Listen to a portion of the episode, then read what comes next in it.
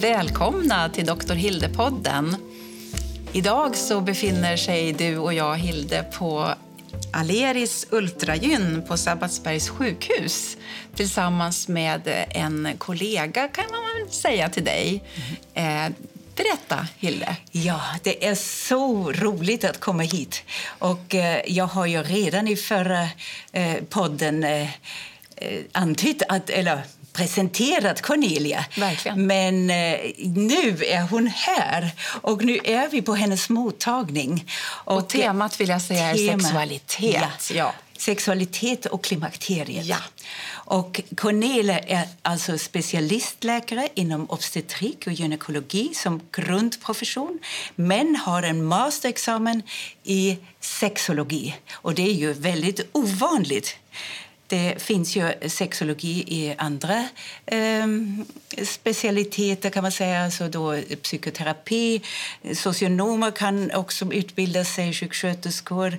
Och, eh, ja, men här har vi en läkare som har gått vidare med detta. Mm. Och Cornelia är ju också eh, här som specialist för eh, svåra tillstånd såsom ja, att diagnostisera eh, endometrios och andra eh, åkommor som ger smärtor och plågor för kvinnan under egentligen hela fertila livet, men mer sen i klimakteriet kanske, eller mindre, hur vi nu kan se. Vi ska fråga henne om allt detta. Men sen också det här med eh, i underlivet, att det är eh, besvär med smärtor i underlivet. Då har också Cornelia specialiserat sig på något som heter vulvadyni.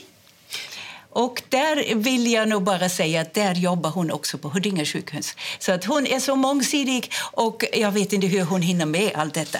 Men nu ska vi säga välkommen till Cornelia Libau. Välkommen! Tack så mycket och tack så mycket för inbjudan att jag får vara med här.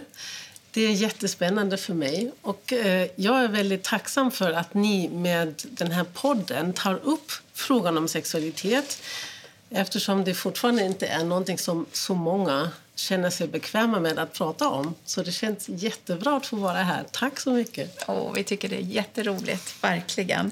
Tack. Och så fantastiskt att du är med oss här idag. Och jag går på första frågan här. Varför har du blivit sexolog? Ja, varför har jag blivit det?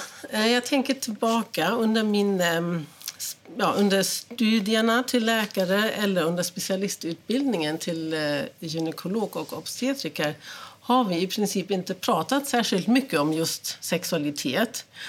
Och eh, när jag sen märkte på mottagningen att det kommer fler och fler frågor om det där området kände jag att jag kan inte eh, bemöta de här frågorna på det sättet som jag hade velat. Och då började jag leta efter ja, en utbildning inom det området. Och då blev det så att jag sökte eh, masterprogrammet Mal, eh, sexologi i Malmö. Mm -hmm. Och blev antagen 2016 var det.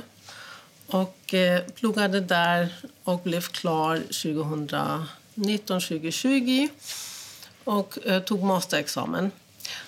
Nu är det så här, sexolog är inget skyddat begrepp här i Sverige. Och eh, Ja, jag kallar mig för sexolog eftersom jag har det här masterexamen så jag känner att, att det är legitimt att göra det. Mm. Sen finns det andra som kanske har annan utbildning som också kall, får kalla sig sexolog och det är lika, lika bra. Alla har olika professioner. Och det är också det som är så värdefullt bland sexologerna.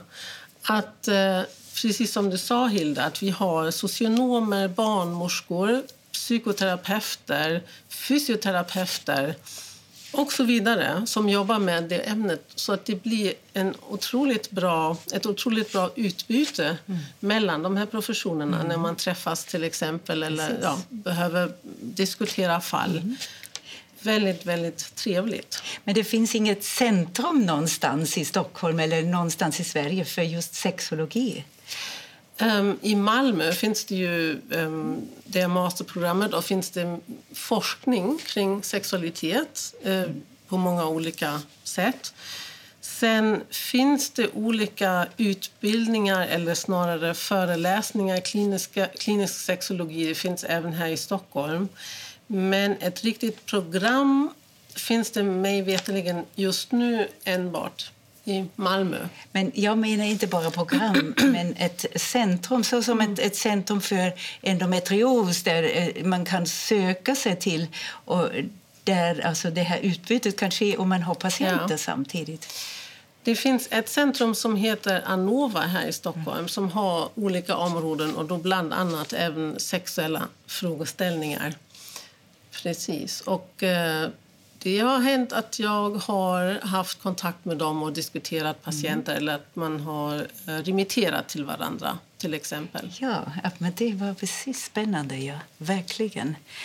Ja, hur arbetar du nu som sexolog ja. om du har en, sex, en patient som söker för sådana besvär? Eller får du dem på remiss kanske? Det är olika. Dels så får jag patienter på remiss med olika frågeställningar. Det kan vara vulvodyni, alltså vulvasmärta uh, av olika anledningar. Det kan vara... Är det, ursäkta, men är det ja. på utsidan av eh, eh, slidan? Då? Ja, eller ingången till slidan är det oftast mm. när det är vulvodyni. Precis. Mm. Och sen då kanske jag ska beskriva att det finns en typ av samlagssmärta som sitter mer ytligt och så en typ som sitter mer djupt inne i vaginan. Och det är två, oftast två olika anledningar till det. Och eh, för den djupa samlagssmärtan kan det också hända att någon blir um, hitremitterad och då kan det till exempel vara kopplat till endometrios. Mm -hmm. um, så yeah. Jag träffar ju många patienter i, med väldigt olika frågeställningar inte sexologiska eh, frågeställningar utan då blir det ibland så, eh, om det är klimakteriet eller om det är endometrios eller om det är helt andra saker, att man på något sätt kommer in på sexualiteten.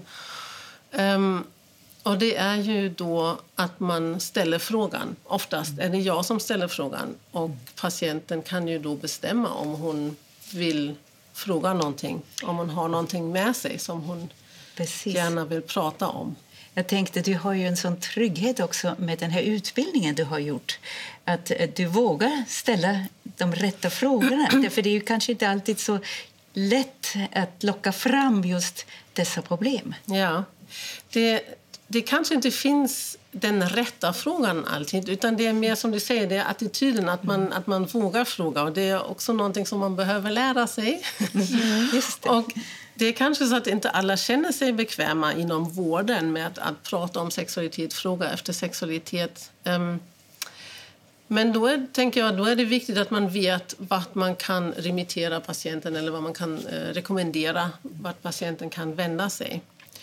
Um, ja, det tror jag det är viktigt att man vet. Att man hellre säger att man inte vill prata eller inte har kompetens om att prata om det men att man kan ge tips vart man mm. kan vända sig eftersom det är otroligt viktigt. Och patienten måste få den känslan att vi inom vården har en öppenhet för mm. problem inom sexualiteten med tanke på att det är så dolt att man inte pratar riktigt mycket om det. Men du har ju den här attityden att patienten öppnar sig för dig. Det tror jag verkligen. Och vad frågar du då? Eller hur kommer du vidare i ett sånt samtal?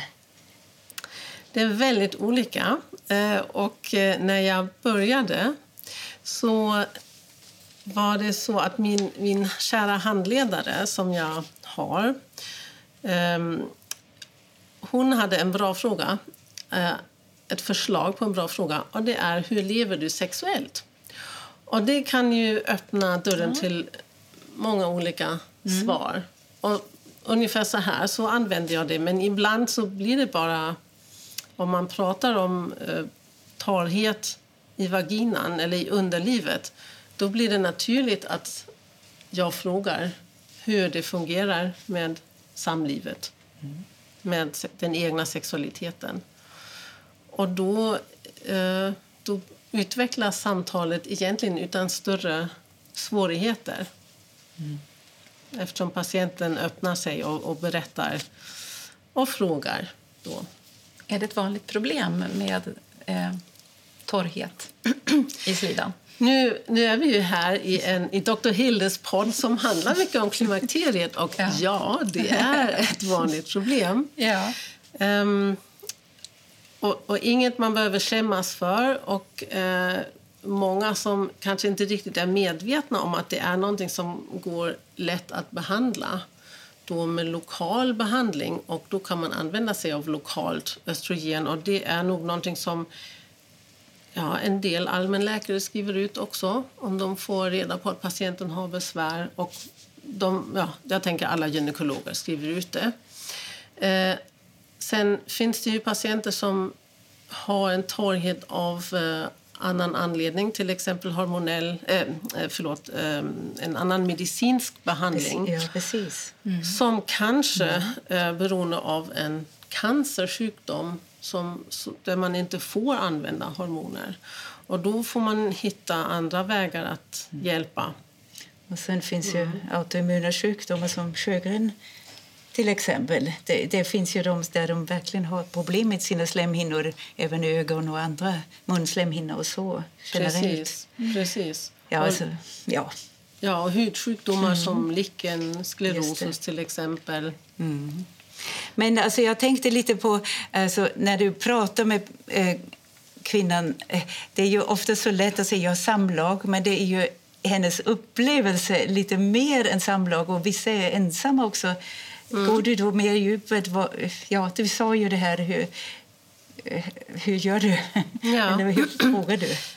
Jag, jag försöker om det är en parrelation försöker jag kanske prata mer om samlivet eller den gemensamma sexualiteten för mm. att inte begränsa det så mycket till samlag eftersom det är något som vi sexologer kanske eh, tycker är väldigt viktigt att vi säger att sexualitet och gemensam sexualitet är inte enbart sam vaginalt penetrerande samlag. Mm. Och många lever fortfarande i den här samlagsnormen att heterosexuella par om de ska ha en fungerande gemensam sexualitet då, då är det vaginalt samlag som räknas. Um, och det kan bli ett problem om det inte fungerar längre. Ett problem på olika sätt. Det är olika förväntningar från båda partners. Det kan vara kvinnan själv som tycker att det är det enda som, som gör att jag känner mig som en fullvärdig kvinna i en heterosexuell relation. Och då gäller det ju Ja, ja, jag, jag, spontant här. Hilde var ju med på Fråga doktorn och eh, i chatten där då var det en kvinna som mm. tyckte att vi har inte sex längre mm. så ska jag mm. lämna min man, ska vi skiljas? Tycker du det? Hon, hon såg ju sitt värde bara i det, mm. ja. i relationen. Ja. Mm. Det var det ett exempel på det, precis det du säger. Ett jättebra exempel. Och det ja. är ju någonting som jag tänker vi får jobba med i såna samtal. Men det är också en, en, information tänker jag, som man behöver gå ut med. Mm. Alltså, att man vå, får våga titta på annat än... Alltså, bestämma sig för andra sexuella praktiker mm. än enbart vaginalt samlag. Och att man då framförallt kanske pratar om närhet. För det som, mm. som mm. händer när, när man har den uppfattningen att eh, samlag är det viktigaste och det inte fungerar längre om det nu är mm. smärta mm. eller lustproblem eller att en av parterna mm. har kanske en, en, sjukdom som gör att det inte fungerar. Även om, om i ett heterosexuellt par mannen inte kan få erektion längre mm. då kan det vara en anledning till att samlivet inte finns längre. Och då är det viktigt att man pratar om vilka andra möjligheter Ja, precis. Och då, där finns det också det här sexuell ekvilibrium man pratar om. Att det ena kan ge det andra. Alltså, alltså båda två, om ena parten eh, känner oh, jag har ingen erektion längre då kan den andra tro att det är mitt fel. och Plötsligt fungerar det inte hos henne heller och hon tappar lusten eller hon misstänker. och så, Då eh, blir det ju egentligen helt fel Precis. till slut. Precis. Det, det leder ju till många tankar. Eh, och man vågar inte fråga. Mm. Till exempel, varför tappar du erektionen? Har det med mig att göra? Mm. Det är väldigt känsliga Återigen, det den, den där känsligheten som vi pratade även i mm. vår podd om. Ja. Alltså att det är väldigt känsligt, väldigt intimt. Och sen finns det ju de här kvinnorna som är alltså helt öppna och, och säger varför kan ju inte jag få fontänorgasm ja. nu längre? och, och, jag menar, det finns ju så ja. mycket förväntningar och såna som måste ha sex kanske varje dag och varför går inte det? Och, och också allt det här som förstoras så mycket i, kanske i pressen eller veckotidningar. Prestations... ja, precis. Vi, ja, och mm. tar du Eh, det här på namnet då ibland. Alltså, jag menar, pratar du till exempel om reaktionerna, eh, ja, allt det här med att bli våt och allt sånt här. Eh, alla dessa termer nämligen. Ja, absolut. Det är viktigt att man dels att man hittar ett gemensamt vokabulär med patienten, att man kan använda samma ord för det som händer och att jag då som den personen med, med kunskapen om ämnet medan patienten har ju, är ju proffs på sin kropp. Mm. Um, att jag kan föreslå ord som hon sen kan använda sig av. Jag ska bara säga en sak, kommer jag på nu, mm. eftersom jag sa hon kan använda sig av ord. um, det här handlar ju då först och främst om människor som är födda Eh, med vagina. Och inte alla kallar sig för kvinnor, men såklart ska alla känna sig inkluderade. Även om, om den här podden... Vi pratar om kvinnor, men, eh, men det är för att vi måste också ha ett eh, vokabulär så att vi har lätt att mm. prata om det här ämnet just, det. just nu. Så att det, men att transpersoner till exempel? Ja, och även de som eh, till exempel är icke-binära som har en vagina, har en livmoder men betecknar inte sig som kvinna. Då. Mm, det, okay. det, tror jag är väldigt viktigt. Och, eh, hen, att, hen i dagligt tal. Hen, till exempel. Mm. Den. Mm. Så um, alla ska känna sig hjärtligt inkluderade här. Bra. Bra. Det tycker vi. Ja, ja verkligen. verkligen. Ja. Um, jag har två tankar. Um, jag skulle vilja gå tillbaka. Vad var det? Just det. Um, det här med prestation, hur man själv mm. känner sig i sin kropp vilka upplevelser man har sen tidigare som påverkar en hur man lever sin sexualitet, hur man lever i sin partnerskap. Eh, vilka samhällsnormer som påverkar och så vidare jag tycker jag är extremt viktigt. Alltså, och jag älskar ordet kontext. tycker jag är så bra. För att mitt, mitt önskemål och mitt mål när jag träffar mina patienter är att jag vill gärna förstå dem i sin kontext. Och det går ju inte kanske på en halvtimme. Men jag, mm. När du säger kontext, i sitt mm. sammanhang? Precis, jag ja. kommer till det mm. lite mer. I, i, I, sammanhanget där de, ja, vem de är, hur de lever, vad de har för eh, önskemål eller också, hälsa. också hur de har haft det i sitt eh, sexualliv tidigare och vad, vad är skillnaden nu? Precis. Och då, det finns en modell mm. som man mm. använder sig av. Det, det okay. kallas för det biopsykosociala den biopsykosociala modellen. Mm. Och där, det är en bra kontextmodell, tänker jag, för då finns det biologin, kroppen, mm. hur funkar den? Det finns psykologin, det som patienten har med sig eh, som sina egna eh, rädslor, förväntningar, upplevelser. Och såklart då det sociala, kulturella. Hur, hur är man påverkad av sin uppväxt? Vilken kultur är man uppvuxen mm. i? Mm. Vilka Verkligen. vänner har man? Mm.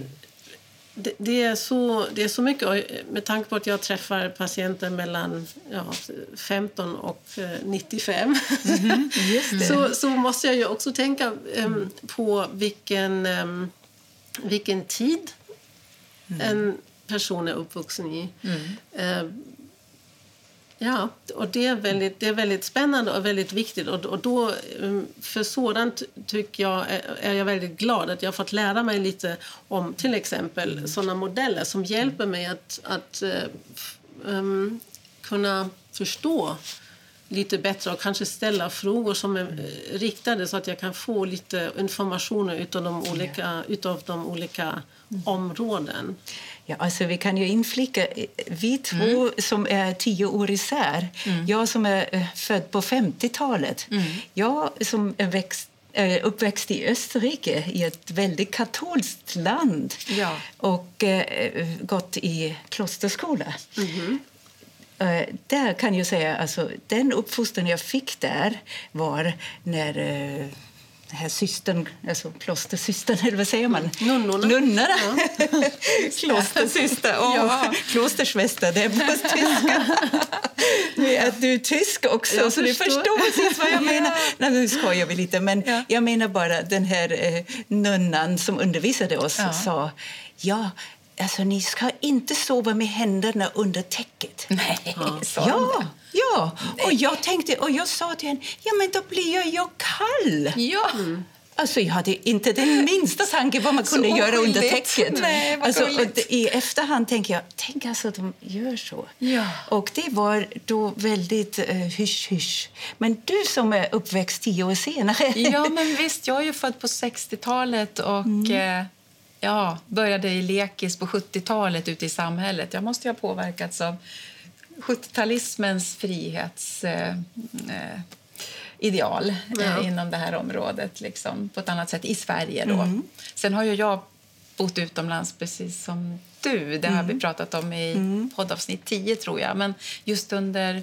Ja, men vi har olika. Mm. Du och jag har ju mm. växt upp under olika mm. eh, förhållanden. Du har varit tid. mycket friare än jag. Så på det viset har jag varit mycket friare i ja. min uppväxt. Ja, verkligen. Mm. Och du, Cornelia, som är ännu ja. yngre. jag är från 70-talet och ehm, är kanske en mer, lite mer konservativ familj. Jag har också gått i en katolsk skola. Mm, precis, inte riktigt klosterskola. Eh, när jag började eh, på gymnasiet, då, det är lite annan indelning där i skolorna, men då börjar man, när man börjar femman så är man på gymnasiet då, mm. årskurs fem. Mm.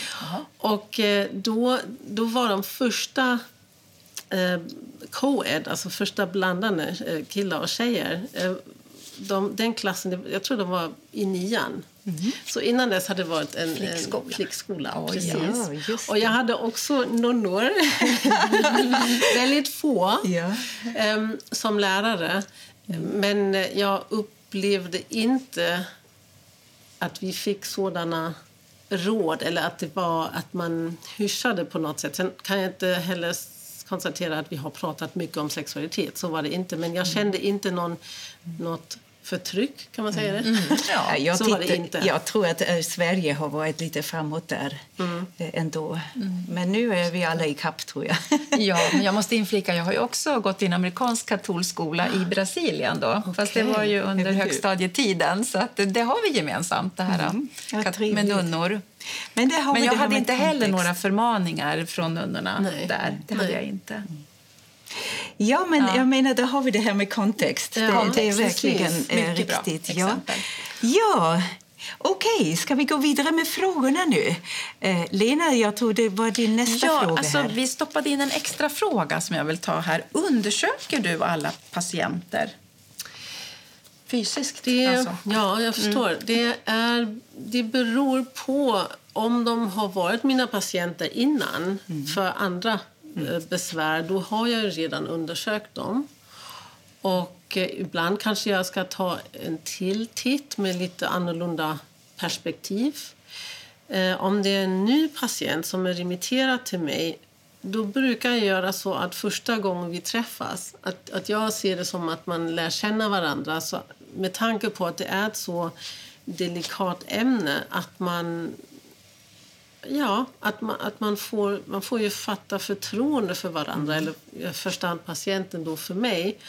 Och då, eh, jag brukar nog inte göra det vid första mötet. Mm. Mm. Och sen är det beroende på vad som eh, besvären är. Om det handlar rent om, en, om lust, om lusten utan eh, några större besvär från underlivet gör jag, gör jag det sällan. Mm. Precis. Ja, och så var det ju det här eh, att eh, en undersökning. Hur många gånger kan du, under, eller kan du ha tid för dina patienter? Eller hur? Ja. Du sa halvtimme, Ja. eller ungefär. Precis. Alltså jag, jag, jag jobbar ju som läkare, jag är inte psykoterapeut. Och Sexologer har tyvärr inte någon eh, extra taxa här. Så att jag, jag har den vanliga patienttiden eh, och då har jag förmånen att ha 30 minuter vilket ändå be- betyder att jag ska dokumentera också under den tiden. Så att patienttiden det, det kan variera lite. Ehm, men ehm, jag kan ju träffa patienten igen. Och det är fördelen med, med det här att jag kan ju träffa dem varannan vecka om det behövs. Eller, ja, det beror mycket på. Du kan boka in nya tider. Åh, vad bra. Mm. Och det, det går under högkostnadsskyddet. Det är den, en vanlig tid som man då kan Mm. boka. Men eh, ja, inte som när man träffar till exempel en psykoterapeut Mm. där man är i 50 minuter och, och betalar en, den, efter den taxan som finns. Men det är som ett vanligt läkarbesök då. Okej, en fråga till då. Vilka råd konkret ger du till kvinnan, paret som söker för sexuella problem? Kan, kan du ge oss lite exempel? Det, den frågan tänker jag att jag, jag borde egentligen prata om lite andra saker för att kunna flika in vilka råd som är lämpliga. Eh, för att eh, det, det är väldigt individuellt. Jag kan inte säga att ja, men, eh, alla patienter med lustproblem får den här, det här svaret och alla med samlagssmärta det här. Utan återigen, det är kontexten som är avgörande. Men kan du få hemläxa till exempel? Precis. Det, det är någonting som jag jobbar väldigt mycket med. I och med att jag inte har så jättemycket tid för patienten så, så är det så att många får hemläxor, vilket Jaha, också är ja. individuellt. Men ett exempel som rätt många får som par, men även som um, enskild patient när de är hos mig är då någonting som kallas för sensate focus eh, eh, på engelska och på svenska brukar nog de flesta säga eh, sensualitetsträning. Och det handlar väldigt mycket om att just ta bort fokuset från den här samlagsnormen. Eh, Eh, det handlar mycket, mycket om att hitta tillbaka till närheten och intimiteten som, inte, ja, som helt enkelt inte är samlag. Och ehm, det är något som vi pratade om tidigare också, att, att ta bort den här pressen, den här prestationsångesten möjligtvis som, som många eh, då kan uppleva. Eh, kvinnor som känner att om jag inte, om jag inte ställer upp nu, är jag då en, en bra eh, flickvän, eh, hustru, eh, älskarinna? Ehm, det, och för många är det extremt viktigt. Och då försöker vi komma fram till att, att det är inte det som räknas i första hand utan att man får jobba med kontakten som man har med varandra. Och då är det faktiskt samlagsförbud. Jag skulle Just säga det. Det är förbud. Och det är bra att det kommer ifrån en tredje person. Därför, Precis. eh, om hon själv läser sig till i böckerna och säger att det står att vi ska ha samlagsförbud då tror kanske inte partnern det är rätt. Precis, Precis. det är jätteviktigt och eh, ibland kan man skratta lite över det. Det tror jag faktiskt är en sak som är väldigt viktigt. Eh, att man har lite humor när man pratar. Eh, just för att det är ett känsligt ämne och vissa saker kan kännas möjligtvis löjliga. Alltså det kan hända att en patient säger men jag känner så här. Alltså det är jättelöjligt men så här och så här är det. Och det är ju inte löjligt men man kan ändå skratta lite tillsammans. Och det är väldigt, väldigt eh, härligt. Men hur långt kan de eh, gå då i sitt eh, samspel? Alltså, de kan ju massera varandra. Eller, eh, eh, eh, men hur mycket erogena zoner Eh, alltså, jag menar, bra där. fråga. Var går kan gränsen för samlag? Ja, gränsen för samlag, det, det tror jag att vi vet. Nej, men Ja. Så här är det. Den här sensualitetsträningen har i stort sett eh, fyra steg. Och ur min synvinkel är de viktigaste stegen de första två. Var, den första är att man får beröra varandra överallt på kroppen förutom i de erogena zonerna som för de allra flesta ju då är genitalierna, alltså underlivet och brösten. Ehm, sen kan det finnas andra erogena zoner som inte så, är så förknippade med sexualiteten som just eh, då underlivet och bröst, så de får vara med.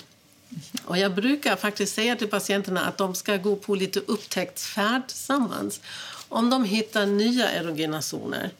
För om man under en väldigt lång tid har bara ägnat sig åt, åt samlag, och, alltså, ja, samlag och kanske lite förspel då har man inte haft så mycket annan hudkontakt. Och då kan det vara mycket värt att man ja, explorerar lite. Var, var känns det bra? Och ibland så skickar jag med en kroppsteckning. Eh, en till varje person. Så får de rita lite. För om vi tänker tillbaka på det här, alltså det här biopsykosociala modell. Om det finns de som har dåliga erfarenheter med sig. Om det nu är sexuellt trauma eller annan trauma så kan det finnas områden på kroppen som inte vill bli berörda. Som kan leda till att någon tappar lusten eller tappar den goda känslan direkt när man kommer åt det. Och då kan det vara väldigt värdefullt att man kan, eh, om man har kanske svårt att prata om det eller verkligen säga till partnern det är just här eh, på baksidan av låret eh, du inte får röra mig. Ja. Då kan man ha det som en liten karta. Kan man rita med, med rött, brukar jag säga. Rött är no-go. Sen Ja, grönt är trevligt. Ja. Och gult kan vara så... Det finns ju områden som blir känsligare med tiden. När man tillbringar den här tiden med närhet då blir de allt känsligare och vill bli berörda. Först är det inte så intressant, men sen blir det en utveckling. Kan Och du ge att- ett exempel på Ja. ett sånt gult område? Ett, ja, det är ju väldigt individuellt. Okej. Eh, Men jag... va- Vad ska man säga? Kan det Kanske... typ halsen eller nu bara på? alltså det kan vara typ Huvudet. allt. Det kan vara allt. Det kan vara eh, på underarmen, utsidan av underarmen.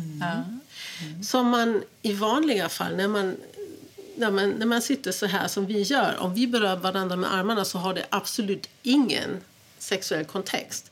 Men när man då gör en sensualitetsträning med sin partner och blir berörd då kan det plötsligt kännas väldigt lustfylld. Och det är kanske just det som eh, kan saknas när det blir så fokuserat på samlag. Eh, det- att den här beröringen som egentligen skulle kunna ha stimulerat mer saknas ju från Precis. början. Och då upptäcker de ju de här gula områden som sagt och kan inkludera det sen. Precis, precis. Det, det, är, det är tanken bakom det. Sen um, huruvida patienterna tar, verkligen gör det eh, så här mycket, det är en annan fråga. Men eh, jag tycker att jag får ganska bra feedback och det leder också till, apropå humor, att, att paret kan ha lite roligt med att rita på en karta och kanske ja, visa lite det här känns bra. Eller, Så det, det, det, har andra, det har andra fördelar. Det, det främjar eh, ko-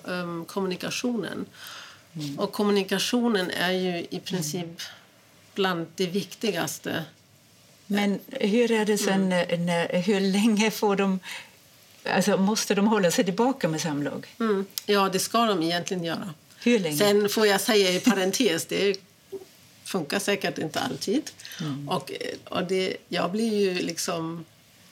I det dolda blir jag ju väldigt glad om en patient kommer eh, och säger att "Men vi har på steg ett men sen plötsligt så bara händer det. Och det blev så bra jag hade inte ont. Då kan jag ju bara applådera. Så. Ja, verkligen. Ehm, men det ska inte bli så att... För det, vad ska man säga? Hemligheten bakom det här, i och med att man tar bort prestationskravet då i så fall kanske på kvinnan som, har, som är rädd att hon får ont när hon har samlag. Men att hon ändå känner att hon måste ställa upp. Då känner hon inte lusten. Det är en sån begränsning. Och om man säger att ni får inte ha samlag, ni ska beröra varandra och känna efter. Då kan hon, eller båda, kan ge sig hän på ett helt annat sätt. Och det är också då man gör nya upptäckter. Man Men det- fokuserar på ett annat sätt. Och bara ett, ett ord här. Mm, Att vara i nuet är en väldigt viktig em, aspekt i det här som, som jag försöker ta upp med patienterna också. Och där till exempel kan man ge bra övningar. Eh, Precis. Mm. Jag tänkte på det här som du alltid säger, it takes two To tango. To tango. Ja, ja. Det, passar ju Ja. det. det är ju som en dans även precis. det, eller? Absolut. Som, eh, Det är det verkligen. Och då är det kanske ibland så... Om, vi, om det nu är så, nu är det bara en, en, eh, en reflektion jag, som jag har. Om, om då det är kvinnan som har gått hos mig och kommer hem med den här beskrivningen av sensualitetsträningen då kanske det är hon just som leder i tangon, vilket möjligtvis är lite ovanligt. I vanliga fall, om man tänker tango, argentinsk tango, så är ju, det är ju den manliga parten som, som leder. Och nu blir det lite omvänt. Och kvinnan har liksom, säger hur man ska göra det. Det kan ju, kan ju också bli lite komplicerat beroende på hur relationen är, hur den har varit, hur den har utvecklats. Men um, ja, ett exempel kanske, just för det här It takes two to tango. Det betyder också att partnern måste vara beredd att inte kräva samlag eller att vara med på den här övningen. Och det händer, inte så ofta, men det har hänt att, att det inte har fungerat. Och då... Mm, precis. Ja, då Båda är det- måste ju vara med på det Precis. och ta lika mycket ansvar. Precis, de måste Ja. båda vara beredda att göra det, ta ansvaret. Och då, till exempel, det är ett bra exempel. Om det inte fungerar, då kan, då kan kruxet sitta någon helt annanstans. Att, att deras kommunikation, att det finns någonting i deras relation som är så pass, ja, jag vet inte, knasigt. ja, lite störd. Så- och då behövs det kanske ändå psykoterapi. Precis, och då, då brukar jag rekommendera att, att, eh, att ta kontakt med till exempel en psykoterapeut eller ja, parterapeut. Eh, För att jag tänker om inte den, den här ömsesidiga eh, man- beredskapen finns att förändra situationen då är det ingen idé att jobba med sexualiteten. I alla fall inte med den gemensamma sexualiteten. Det är också viktigt att poängtera, tänker jag. För att jag träffar ju många kvinnor som kommer för att partnern tycker att de inte har tillräckligt mycket samlag då. Och att hon inte har tillräckligt med lust och så vidare. Men är det alltid hon som har för lite lust? Kan det inte vara Det är tvärtom? oftast. Alltså, i, i det som jag kan säga för, för Ja. mina patienter är det ju kvinnan Men i du har ju också en kvinnomottagning och du är ju gynekolog och då söker man sig Precis, till det är det. det, det naturliga. Och jag är klart. absolut... Jag, Männen söker sig kanske någon annanstans. till urologen. Då, Ja. då är det ju urologen som, som är... Om det nu kanske blir ele- Mm. erektionsproblem. Ja, vi Eh, kommer ju ha ett avsnitt. Vi kommer ju ha ett avsnitt med en urolog och allmänläkare rätt så snart. Ja. Efter. Vem eh, blir det? Ja, Vågar ni ska vi avslöja det? ja. Ja, men vi kan väl avslöja det. Ja, okej, varsågod. Varsågod. Ja, alltså min kära man är faktiskt både allmänläkare och urolog, eller har varit det. Och eh, alltså... Eh, tycker jag väldigt erfaren eh, att ha träffat så många. Ja. Men han har ju kanske inte sysslat så mycket med just det. Men han har de här specialiteterna och den långa erfarenheten. Och honom ska vi Såklart. mjölka, Ja, eller hur? Ja, spännande. Så, ja. Men vet du, Cornelia, det är Ja. helt otroligt. Så, så spännande som det är. Men klockan går. Jag tror vi måste ta en paus Ja. och få eh, prata med dig i ett nytt avsnitt. Ja, Är det okej för dig? Ja. Det är fantastiskt vad du har berättat. Ja. Och det är så fantastiskt att höra hur du arbetar. Nu har vi fått en helt annan insyn i det här, eller hur? Ett helt annat djup. Ja. Jättefint. Tack så Tack. jättemycket, Cornelia. Tack för era frågor. Det, det är härligt att få berätta om det men också reflektera gemensamt. Tack så mycket att jag Tack. fick vara här idag. Vad roligt. Tack. Vi ses snart igen. Gärna. Hej då. Hej då.